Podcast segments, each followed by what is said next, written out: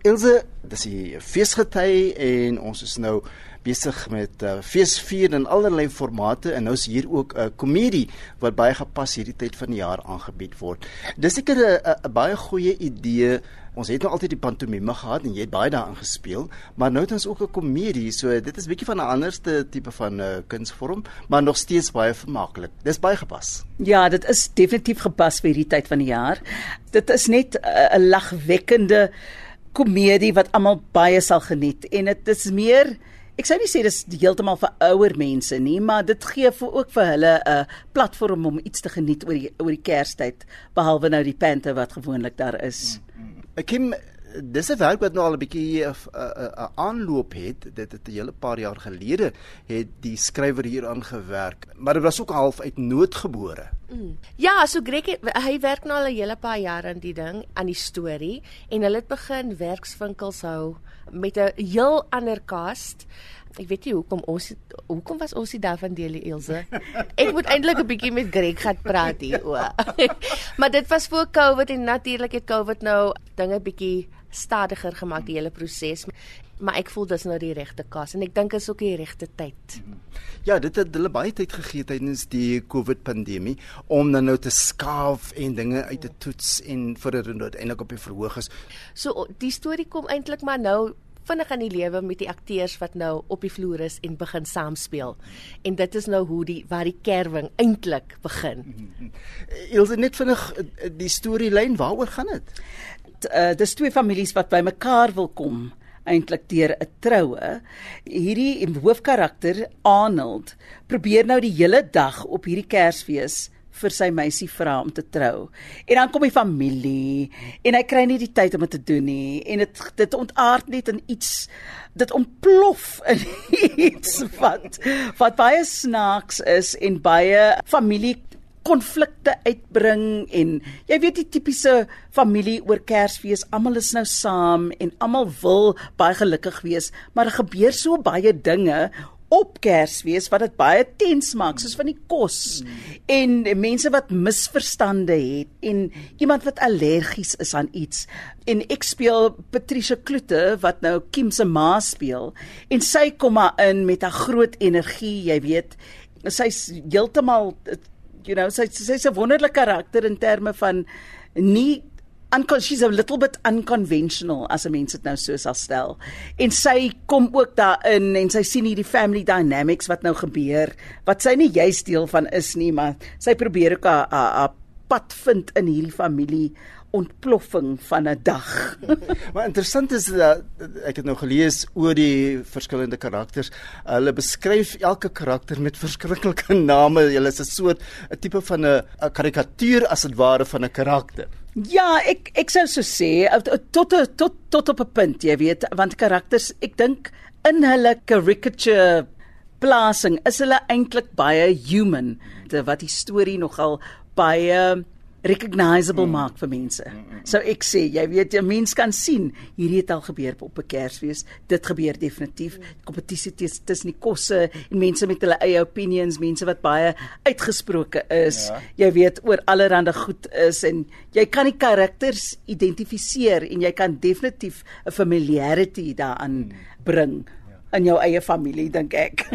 Kim as ek net kyk na die titel alleen, dan lyk vir my hier's 'n kinkel in die kabel en sê 'n uh, Merry Little Christmas. Ja nee, kyk, hier's 'n groot, hier's 'n groot vraag wat gevra word in die storie. ek gaan nou nie te veel weg hier nie, maar ek ek dink ek hoef nie.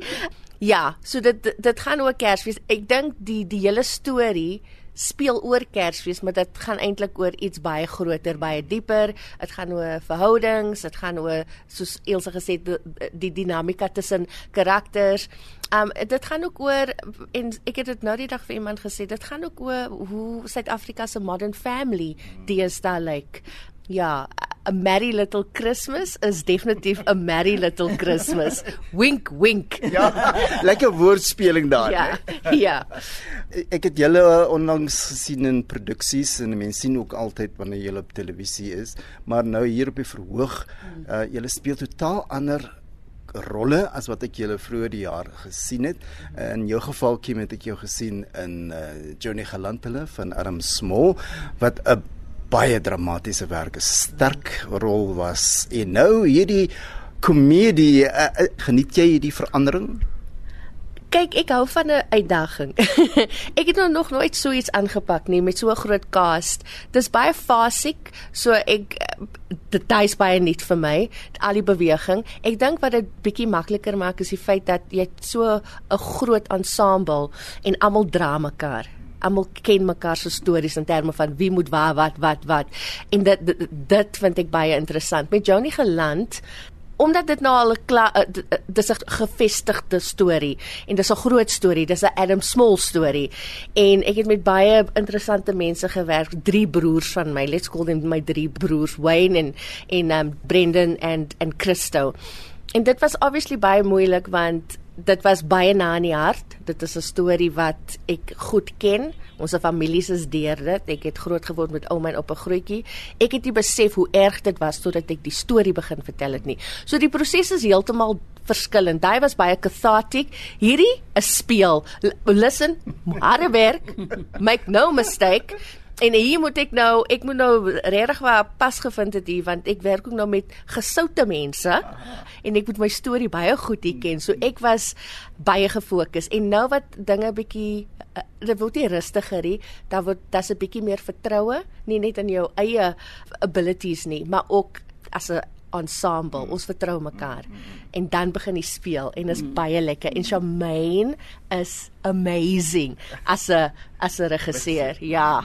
Jy verwys nou na Charmaine Weir Smith. Ja, yes. Ja, ja. Sy's 'n firecracker. Sy ek weet nie waar sy die energie kry nie, but it's infectious en Charmaine sal aangaan en om, omdat sy sal aanhou, sal ons aanhou. Hmm. Ilse, eh, jy speel omtrent elke jaar in 'n pantomime, so uh, hierdie ligte goed is nie vir jou onbekend nie. Maar ek wil graag weet, jy weet by 'n stand-up comedian, so 'n persoon kan hierdie weggooi reels gebruik en die gehoor reageer daarop en so 'n persoon kan selfs aandag daaraan gee, bietjie off the script tipe van ding. Maar by so 'n teks kan jy nie eintlik nie en jy kry hierdie mense wat opmerkings uit die gehoor maak. Wat maak 'n mens in so 'n geval? Man, dit dit dit, dit sal definitief gebeur. Ek kan jou I can guarantee you, daar gaan 'n punt wees waar ons wel sal moet improviseer soos mense dit nou sê maar ek dink ons is nogal ons is baie goed ingereis jy weet en ek ek hoop dit gaan nie gebeur nie maar dit is nogal dit op met 'n komedie moet jy op jou tone wees.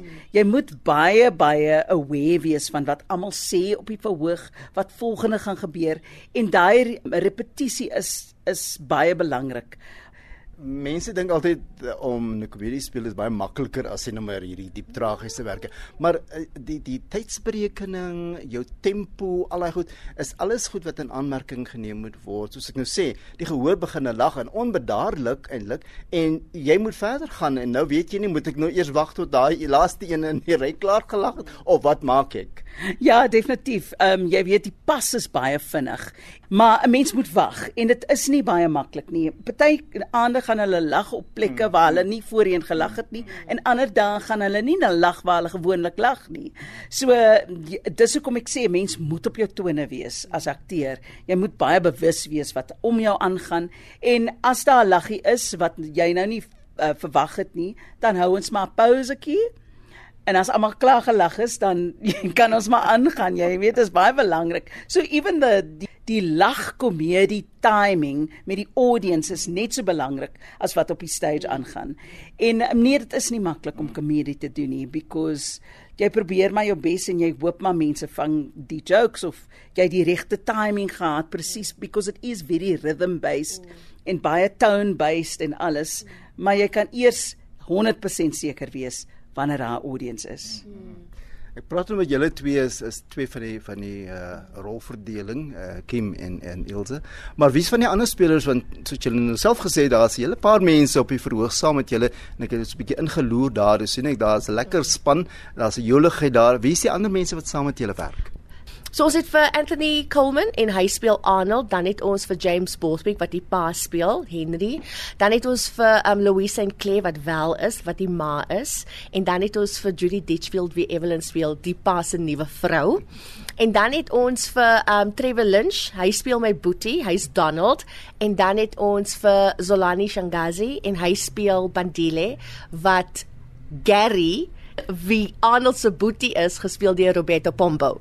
So dit is die kas, maar wat ek wel wil sê en ek wil net byvoeg wat Elsje gesê het in terme van uh, lag en ritme en tempo en en tydsberekening. Wat belangrik is van komedie is dat niemand op daai verhoog dink hulle snaaks nie. Dit is baie eerlike speelwerk. Jy kan nie dink jy snaaks nie. So dis eintlik die gehoor wat die die karakters as komies sien en die verhaal as komies sien, maar julle speel dit as werklikheid. Ja. 100%. Almal glo presies wie hulle is en hulle glo waarvoor hulle staan. En soos Elsa sê, ons gaan nooit weet wanneer die mense gaan lag nie. Daar's 'n paar punchlines waar ons weet 'n lag gaan gebeur, but you never know who you're going to get in that audience en wie vir wie gaan vang nie ons is fyn ingetune aan mekaar want da, wanneer hy pausetjies kom gaan ons hom weer vinnig moet optel. ja, ek sien die die plakate is ook lekker jolig, so dit is definitief iets waarna mense kan kom uitsien. Dis hier by die Markteater en uh Elsa tot wanneer word dit nog opgevoer? Tot die 24ste Desember.